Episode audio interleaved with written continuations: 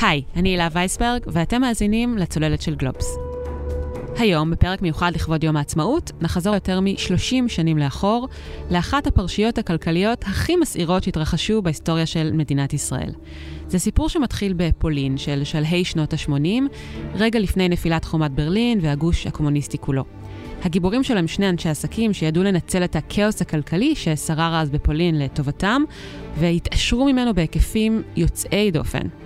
כן, סוג של אוליגרכים. אבל לפני שנסביר מי הם שני הברנשים האלה ומה בדיוק הייתה השיטה שלהם, נתקדם כמה שנים בזמן. השנה היא 1991, ואלה הימים האחרונים של מלחמת המפרץ כאן בישראל. שני הגיבורים, בסך הכל בני 28 ו-32 בשנים ההן, נוחתים בנמל התעופה בן גוריון עם מטוס מנהלים פרטי. כשיצאו אל הטרמינל כבר גלגלו לפניהם עגלות עם מזוודות כבדות, ובתוכן 46 מיליון דולר במזומן. עם הכסף הזה, ועוד כסף אחר, הם רכשו, תאמינו או לא, חצי מהמניות של חברת הדלק פז. וזוהי רק ההתחלה, ומכאן העלילה מסתעפת ומסתבכת, כשבסוף, וסליחה על הספוילר, אין כאן ממש happy end. מי שצלל לעומקו של הסיפור הזה, ואפילו הצליח לאתר ולשוחח עם אחד מן הגיבורים, שמתגורר עדיין בישראל, הוא כתב התחקירים של גלובס, שי אספריל. את הכתבה המלאה תוכלו למצוא באתר גלובס, או פשוט לגגל אותה. הקשר הפולני, הסיפור הלא ייאמן מאחורי הפרשה שהסעירה את המשק הישראלי לפני 30 שנה. היי שי. אהלן. איך הגעת דווקא עכשיו אל הפרשייה הזו שהתרחשה לפני יותר מ-30 שנה? זה היה מאוד סוריאליסטי. הפרשה מאוד מציתה את הדמיון. אה, זה סיפור קולנועי בסופו של דבר. וזאת עוד לפני שצללתי לאירועים אה, כפי שמתוארים בכתבה שלנו, וזאת עוד לפני שצללתי לקשר הישראלי העמוק של הפרשה. אז עכשיו כשיש לנו קצת רקע, בואו נכיר יותר לעומק את שני הגיבורים בסיפור. הראשון שבהם הוא בוגוסלב בקשיק, צעיר בן 26, מוזיקאי, בוגר בית יתומים באותה עיירת ספר פולנית, שזמן קצר קודם לכן הורשע בגניבה ממעבידו בסכום שמקביל לכ-10 דולר. הוא נידון לשנתיים מאסר על תנאי, ולאחר מכן החליט להפוך ליזם.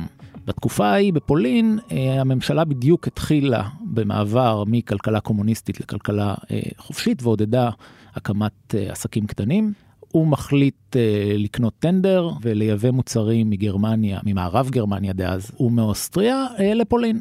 הוא מצרף אליו חבר, אנדרי גונשורבסקי. בעת ההיא גונשורבסקי היה גניקולוג מתוסכל, שעבד מסביב לשעון בבית חולים ציבורי. הוא נותן לגונשורבסקי 40% מהמניות, ושניהם בעלי המניות של חברה בשם ArtB, Artistic Business.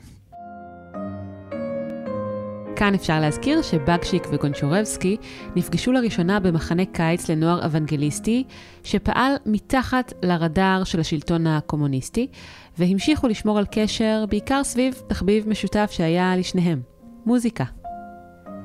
כאן למשל הם מנגנים יחד על שני פסנתרי כנף ב-1990, וזה מתוך סרט תיעודי פולני שנעשה על השניים לפני כמה שנים, בשם Art B Story, ונשמע עוד קטעים ממנו בהמשך. הם מתחילים, מייבאים מוצרים והולך בסדר לתקופת מה, אה, ואז יש אה, תפנית בעלילה. אז אה, שי, בוא נעשה רגע איזה זום אין לתקופה שעליה אנחנו מדברים. בתקופה הזו פולין היא המדינה המזרח-אירופית הראשונה שאימצה הכלכלה החופשית. היא נמצאת בדיוק על התפר שבין הכלכלה הישנה, הקומוניסטית, לכלכלה אה, החדשה, החופשית, וישנם כל מיני מאפיינים ייחודיים לתקופה הזו. מהם המאפיינים הללו? פולין באמת אה, במהלך שנת 1989 עושה מעבר מאוד מאוד מהיר בין כלכלה קומוניסטית לכלכלה חופשית. אה, ואחד המאפיינים אה, המרכזיים הוא אינפלציה מטורפת שמרקיעה שחקים. היום אנחנו מדברים על 8% אינפלציה וזה נראה לנו המון בארצות הברית, אבל אז אנחנו מדברים על, על אילו היקפים. בשיאה הגיעה האינפלציה בפולין לאזור מעל 500% בשנה. וואו. במקביל, אחד הצעדים שהממשלה נקטה בהם הוא העלאת הריבית כדי לעודד חיסכון, ונוצר מצב שאם היית מפקיד אה, אה, את הכסף שלך בחשבונות בנק, הריבית שהיית מקבל הייתה מאוד מאוד גבוהה. מה זה מאוד מאוד גבוהה? זה תלוי כמובן בתקופה, אבל אה, ברוב התקופה, ברוב השנתיים ההן, בין סוף 89 לאמצע 91, שאז מתפוצץ הסיפור שלנו, מדובר על ריבית שנעה מ-80% וצפונה, ויכולה להגיע גם למאות אחוז בהיקף שנתי. יכול להיות באמת מאוד משתלם לחסוך בתקופה ההיא בפולין. אז מה שקרה זה ששני הגיבורים שלנו הבינו שעם כל הכבוד לעסקי היבוא שהלכו בסדר סך הכל, אי אפשר להשיג רווחי עתק במסחר קמעונאי כמו שאפשר להשיג באמצעים אה, מימוניים באותה תקופה. ואז בעצם השניים האלה הולכים ומפתחים את מה שאנחנו מכנים השיטה. ממה מורכבת השיטה שלהם? המנגנון אה, שהשניים פיתחו בעצם אה, מורכב משלושה שלבים. המוח, אגב, מאחורי המנגנון היה בגשיק, אבל היישום היה משותף לשניהם. ומאחר שהתשתיות הבנקאיות והטכנולוגיות של פולין בתקופה ההיא היו מאוד מיושנות, נוצר המצב שבו יש איזשהו פתח שאפשר להיכנס דרכו. מה הם עשו? הם הבינו שברגע שהם מפקידים צ'ק מחשבון בנק אחד לחשבון אחר, לוקח לבנק שמקבל את ההמחאה להודיע לבנק שממנו, לבנק המקור, לוקח לו זמן להודיע על קבלתו של הצ'ק. כשאתה אומר זמן, לא מדובר בימים ספורים, אלא אפילו שבועיים. ואף יותר. היום אנחנו יודעים שברגע שאנחנו מפקידים צ'ק, אז בעצם באותה שנייה נגרע מבנק המקור. כלומר, אם אני מפקיד מחשבון לחשבון, זה נעשה בו זמנית. שם הם היו מוציאים מכתב בדואר מהבנק שמקבל את הצ'ק אל בנק המקור, ומודיעים לו, קיבלנו צ'ק של כך וכך זלוטי. אנא תגרע את הסכום. כן, וזה לקח שבועות, ושבועיים זה במקרה הטוב, זה לקח לפעמים ארבעה שבועות, והיו מקרים גם שזה לקח שבעה שבועות. עכשיו, מאחר שבתקופה הזו, של נניח ארבעה שבועות, הסכום נמצא בשני הבנקים, משולמת עליו ריבית בשני הבנקים. מאחר שהריבית הייתה אסטרונומית, אז יש בזה כסף. כששני החברים שלנו גילו שבעצם אפשר להרוויח ריבית פעמיים, הם פתחו מאות חשבונות, ובעצם רשמו לעצמם, לחברה שבבעלותם, רשמו צ'קים מחשבון לחשבון. והתעשרו רק מהריבית. והרוויחו מיליוני דולרים רבים מהשיטה הזו, שלה הם קראו בשם האוסילייטר, מעין מאיץ כסף. האם ידוע על עוד אנשים שבתקופה ההיא אה, גילו את האפשרות לעשות כסף רק מריבית ומצ'קים שלוקח להם הרבה זמן להיגרע מחשבון בנק? ייתכן שאנשים חיכו את השיטה, למיטב ידיעתי הם היו הראשונים והמשוכללים ביותר.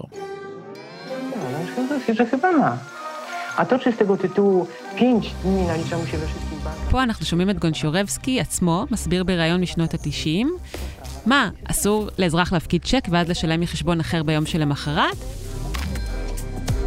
זה קטע שלקוח גם כן מתוך הסרט התיעודי Art Be Story שהזכרנו קודם. עם הכסף שהם הרוויחו מהאוסילייטר, הם פנו לשלב השני. הם התחילו לרכוש מוצרים מכל רחבי העולם, בין היתר אגב מישראל גם, אבל בעיקר מדרום קוריאה, מוצרי אלקטרוניקה מדרום קוריאה. ומאחר שהיה ביקוש מאוד גדול בפולין בתקופה ההיא למוצרים תוצרת המערב, אז הם גם מכרו אותם די מהר. אבל העניין הוא לא ה retail, לא, לא העסקה הקמעונאית, אלא שוב העסקה המימונית.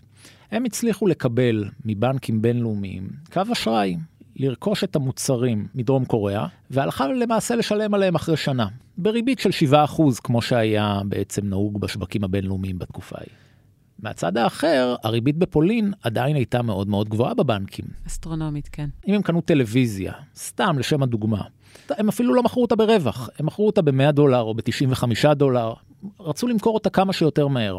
ברגע שהם קיבלו את, נניח, 95 דולר, הם המירו את הדולר לזלוטי, הפקידו אותו בחשבון הבנק וקיבלו את אותה ריבית אסטרונומית. כך נוצר מצב שבעצם הם הרוויחו המון המון כסף, ולאו דווקא מהפער בין מחיר הקנייה למחיר המכירה. אלא מהפרשי הריביות. אלא מהפרשי הריביות הבינלאומיים. מחוכם? כן.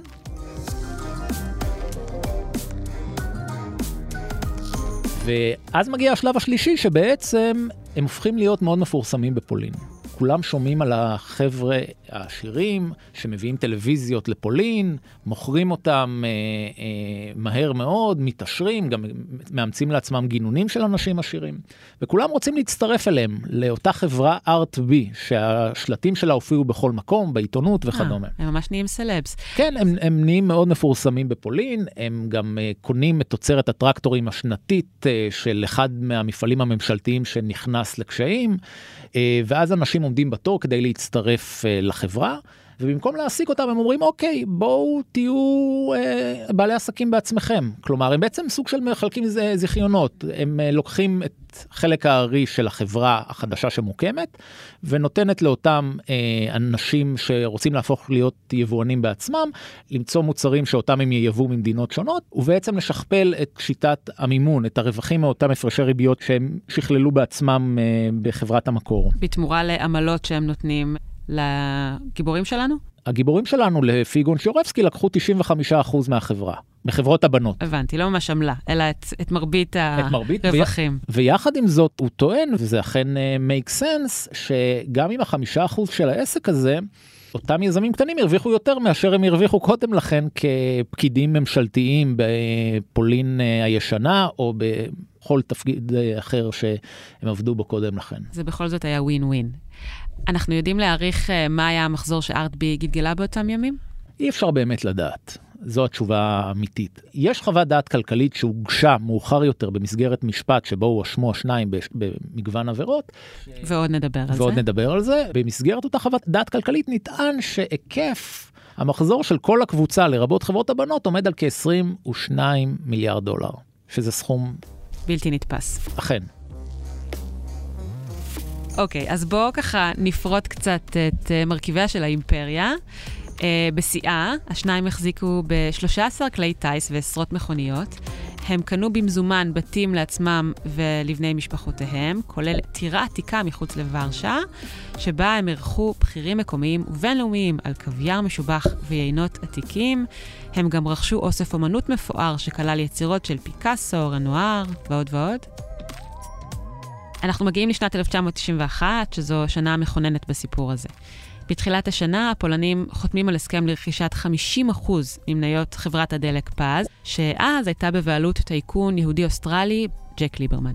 מה מביא אותם לרכישה הזו? כן, אז אה, באמת חברת הדלק פז בתקופה היא נשלטת על ידי אה, איש העסקים האוסטרלי ג'ק ליברמן, נציגו בישראל בתקופה ההיא uh, הוא צדיק בינו. ליברמן קנה שלוש שנים קודם לכן את השליטה במניות פז ממדינת ישראל, אגב, באמצעות הלוואה שהוא קיבל מבנק לאומי, שהמנכ"ל שלה באותה תקופה היה צדיק בינו. וכך הם הכירו. כן, הוא רצה להכניס שותף בתקופה ההיא, מאחר שנקלע לבעיות תזרים בעסקיו חובקי העולם. הפולנים היו שם. איך הם היו שם? כמה חודשים קודם לכן, בתקופה שבה הם אירחו את כל המי ומי בטירה אה, מחוץ לוורשה. עם תמונות פיקאסו וכל הכיף הזה. הם הכירו בחור ישראלי בשם מאיר בר, פולני במוצאו. והוא שימש כנציג שלהם בישראל. כלומר, הם בעצם שכרו אותו כדי שיאתר להם הזדמנויות בישראל, ולמאיר בר נודע שג'ק ליברמן מחפש להכניס שותף לפז. אז הוא היה המתווך בעסקה הזו, הוא בעצם העביר את האינפורמציה לפולנים? הוא כבר היה בשלב מסוים כנראה חלק מהפעילות אה, בישראל. הקשר נוצר uh, בדרך הזו. והפולנים, יש לציין, עשו עסקאות בכל העולם, חיפשו השקעות בכל העולם, זאת אומרת, זו הייתה חלק מהאסטרטגיה שלהם באותה תקופה. לפולנים היה הרבה כסף uh, נזיל, שלאחר מכן נטען שהושג בדרכים לא חוקיות, ובעצם הם השתמשו בו כדי לרכוש נכסים בכל העולם, מחוץ לפולין, אולי כדי שיהיה קשה יותר להתחקות אחר, אחר מקור הכסף.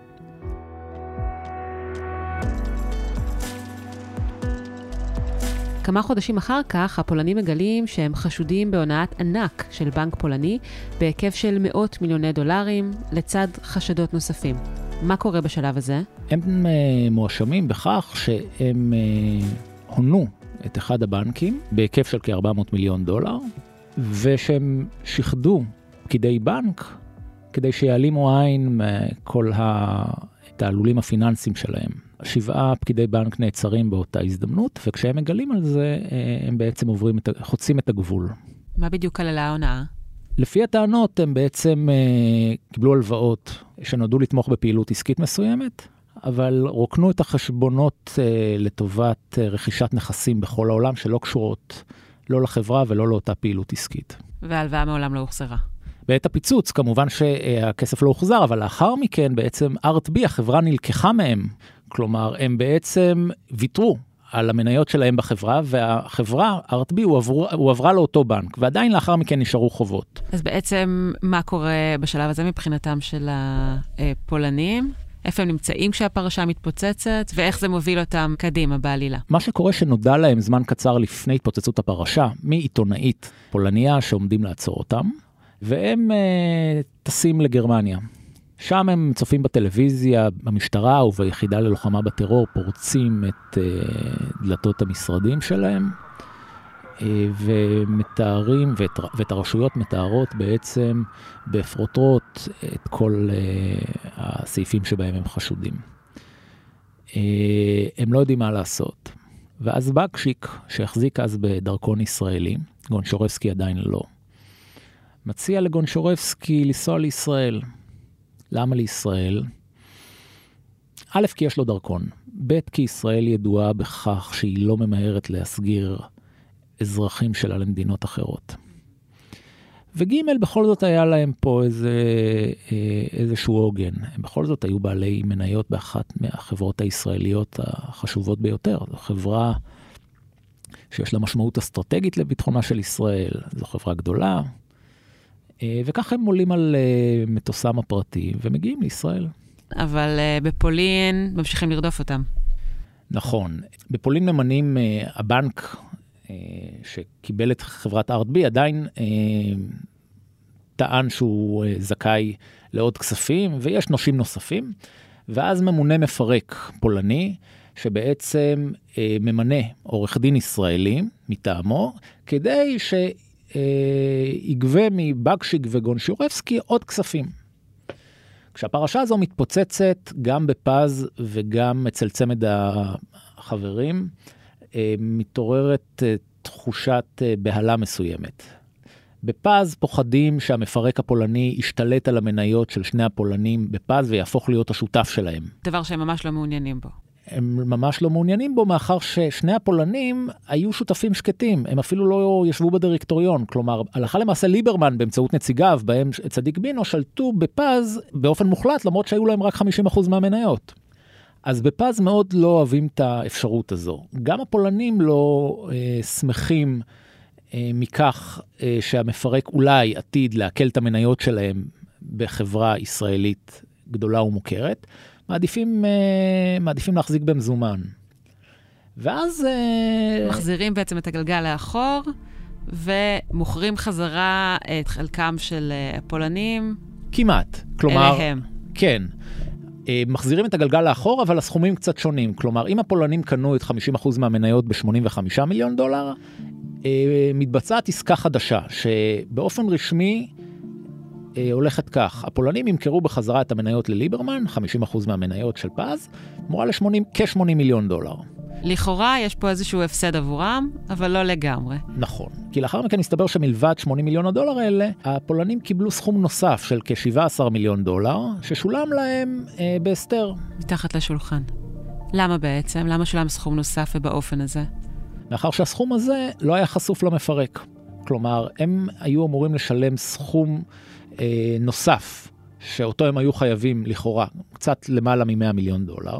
הם ידעו שאת ה-80 מיליון דולר שהם אה, אה, קיבלו כתוצאה ממכירת המניות באופן רשמי, המפרק כנראה יקבל, והם אה, רצו שיהיה סכום נוסף שלא יהיה חשוף לעיני המפרק, ואותו אה, הם יוכלו להסתיר. בעצם הסכום שהם קיבלו מייצג פשוט את התמורה שהם היו צריכים לקבל בעבור המניות? זה היה השווי שלהם כעבור הזמן שחלף מאז שהם רכשו את חצייה של החברה אז, במקור?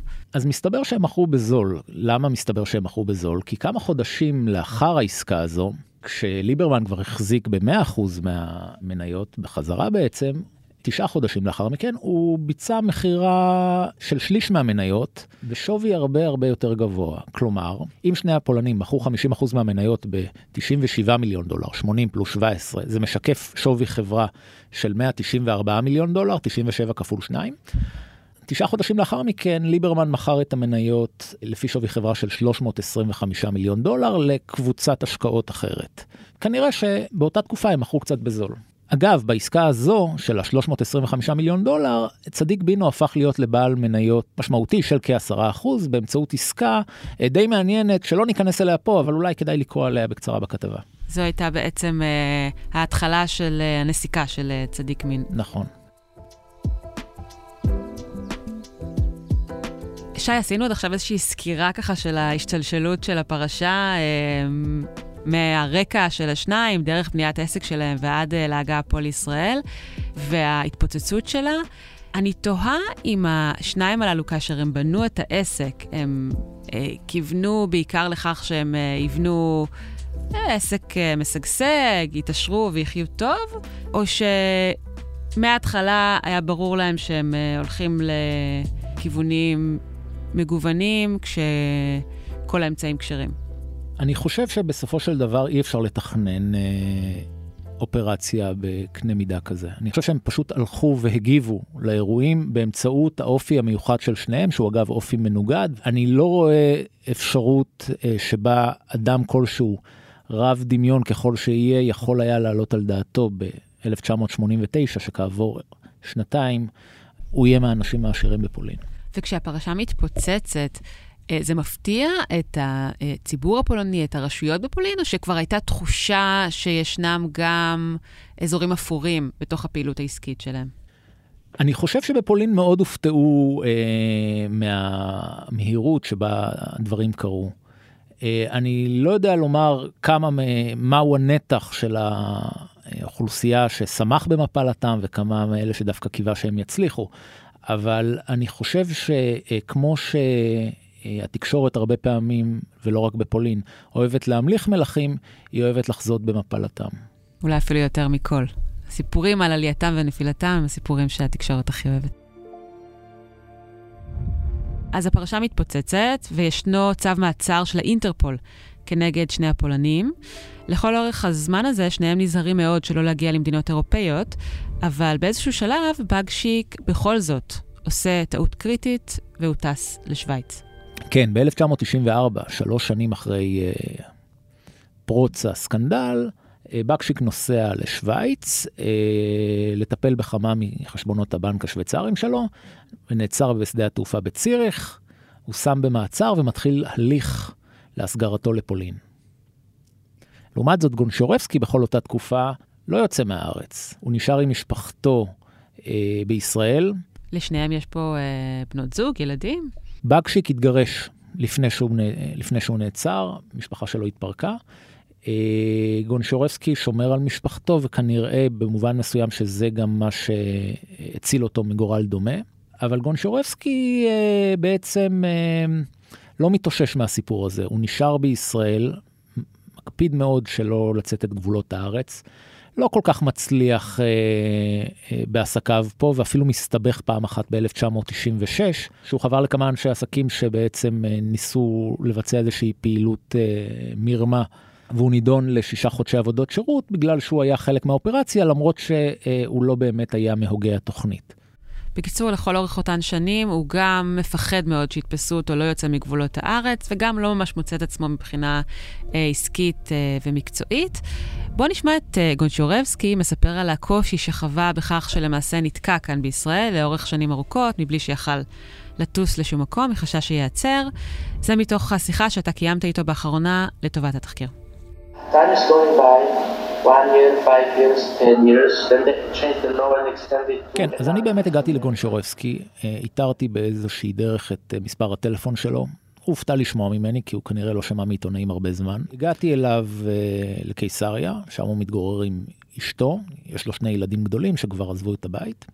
ובשיחה הזו בעצם אה, דיברנו גם על התקופה ההיא וגם אה, על מה שאירע מאז. ומה הוא מספר לך בעצם על אה, השנים הארוכות שהוא היה פה בארץ? אז מלבד הסיפור המרתק על השנים ההן, אז מסתבר שבעצם מאז ההסתבכות שלו ושל בקשיק, הוא חי חיים שבהם הוא מרגיש רדוף במובן מסוים, כלוא במובן מסוים. אמנם יש לו נוף לים, כי הוא גר בקיסריה, לפני כן גר בהרצליה, אבל הוא יכול לקרוא לזה כלא אל מול הים. זה בדיוק מה שרציתי לומר, אמנם לא ישב בכלא כמו השותף שלו, אבל זה היה סוג של כלא. כך לפחות הוא חווה זאת ברמה הרגשית. אז, אז ברמה הרגשית הוא חווה את זה כך. אשתו והילדים שלו תיארו את זה באופן, לדבריו, שהוא היה פה אבל לא היה פה. הוא היה רדוף בעקבות המאורע, ואכן אנחנו מכירים מקרים שבהם אנשים עברו איזשהו מאורע מטלטל והם לא מצליחים להשתחרר ממנו. אה, וזה הרושם שהוא בעצם, אה, זה הרושם שהוא יצר אצלי. ואתה, שי, בכל זאת רואה בבאגשיק את הדמות הטראגית העיקרית של הסיפור הזה. למה? אני חושב שבאגשיק הוא אה, דמות כמעט שייקספירית. באגשיק, כשמסתכלים בעצם על הסיפור שלו, על הילד שננטש על ידי אה, אמו, שגדל בבית יתומים, שתמיד רצה להראות שהוא ראוי לאהבה, משתמש בכישוריו השכליים ובעובדה שהוא אדם פורץ גבולות כדי להתעשר. בסופו של דבר, כמו כדי לומר, תראו אותי, אני ראוי לאהבה. Ja byłem w domu dziecka. To trochę trudny temat. przyzwyczaiłem się... זה היה באגשיק, שוב מתוך הסרט Art B Story, מספר על ילדותו הקשה בבית היתומים, שם שהה עד גיל ארבע, כשאחר כך אומץ בידי משפחה פולנית. אני זוכר, הוא אומר, חלוקים לבנים מבית היתומים ומבית חולים שבו אושפזתי באותם ימים, כי סבלתי מפוליו ומדלקת ריאות. והוא מספר שהיה מאוד מאוד בודד באותם ימים. והוא הצליח מעל ומעבר למצופה ברמה החומרית. אבל תמיד היה בו משהו נערי, כמו שתיארו זאת אנשים אה, שהכירו אותו במהלך העבודה על הכתבה. הוא תמיד, היה מאוד קל להשפיע עליו, הוא תמיד רצה לרצות אנשים. אה, ואני חושב שבסופו של דבר, מה שהעלה אותו מעלה, אה, הרצון הזה באהבה, הוא בסופו של דבר גם מה שהביא למפלתו. ומפלתו כואבת, כי אחרי שהוא נעצר בשוויץ והוסגר לפולין, הוא נידון לתשע שנות מאסר בפולין. אה, לאחר מכן הוא השתחרר, לא מצא את עצמו כל כך. ולפני כמה שנים שוב הסתבך באיזושהי פרשייה פלילית. הוא מואשם כרגע שהוא אה, היה המוח מאחורי אופרציה שהונתה משקיעים. הוא נידון לפני כמה שנים לשש שנות מאסר. הוא עדיין לא ריצה את העונש כי הוא הגיש ערעור, זה עדיין בתהליכים, אבל יש סיכוי אה, אה, סביר ולמעלה מכך שהוא שוב יפגוש את בית הכלא מהצד שהוא היה מעדיף אה, שלא. אבל יש סיכוי שבקרוב הוא שוב ייכנס לכלא. שי, אנחנו מכירים הרבה סיפורים מסוג עלייתו ונפילתו על אנשי עסקים ישראלים, גם מן העולם, שנגעו בפסגה ואז חטאו בחטא ההיבריס וחוו התרסקות גדולה וכואבת, חלקם אפילו ריצו כמה שנות מאסר. במה הסיפור של בגשיק וגונשיורבסקי ייחודי בעיניך בהשוואה לסיפורים האלה, ומה משך אותך דווקא אליו? הדמויות האלה, למרות שלכאורה הם הדמויות שפשעו, לכאורה הם הדמויות אה, שחטאו, הם מעוררים הרבה מאוד הזדהות בקרב הקוראים, ואז עולה השאלה למה? ואני חושב שבסופו של דבר, להבדיל מתחקירים עיתונאיים, אה, שבהם אנחנו מראש יודעים מי הטוב ומי הרע, יש פה הרבה מקום, אה, אולי בגלל שהדמויות הן מפותחות יחסית, יש הרבה מקום להיכנס מתחת לאור של הדמויות, כן? אה, בעצם להזדהות עם חלקים באישיות שלהם או בנסיבות החיים שלהם. לשאול את עצמך, מה אני הייתי עושה אילו הייתה לי ההזדמנות בשנות ה-80 המאוחרות, תחילת שנות ה-90 בפולין, לעשות כך וכך. האם הייתי עושה את זה והאם לא? ואני חושב שזה הכוח של הסיפור.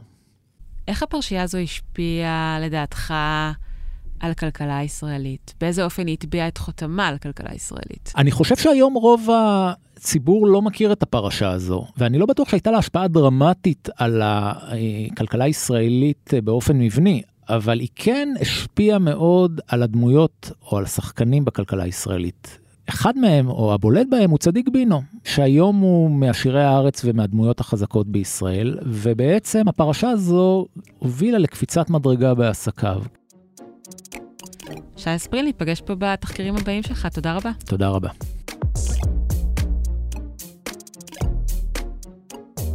עד כאן עוד פרק של הצוללת. אתם יכולים למצוא אותנו באתר גלובס, בספוטיפיי או בכל אפליקציות פודקאסטים, ואשמח אם תדרגו אותנו שם גבוה. ואתם מוזמנים לשלוח את הפרק לחברה או חבר שרוצים לרדת לעומקה של אחת הפרשיות הכלכליות המרתקות שהתרחשו בתולדות המדינה. עורכי הסאונד הם ניר לייסט וקרן אור שץ. אני הילה וייסברג, תודה לכולכם שהאזנתם. שיהיה חג שמח. ביי ביי.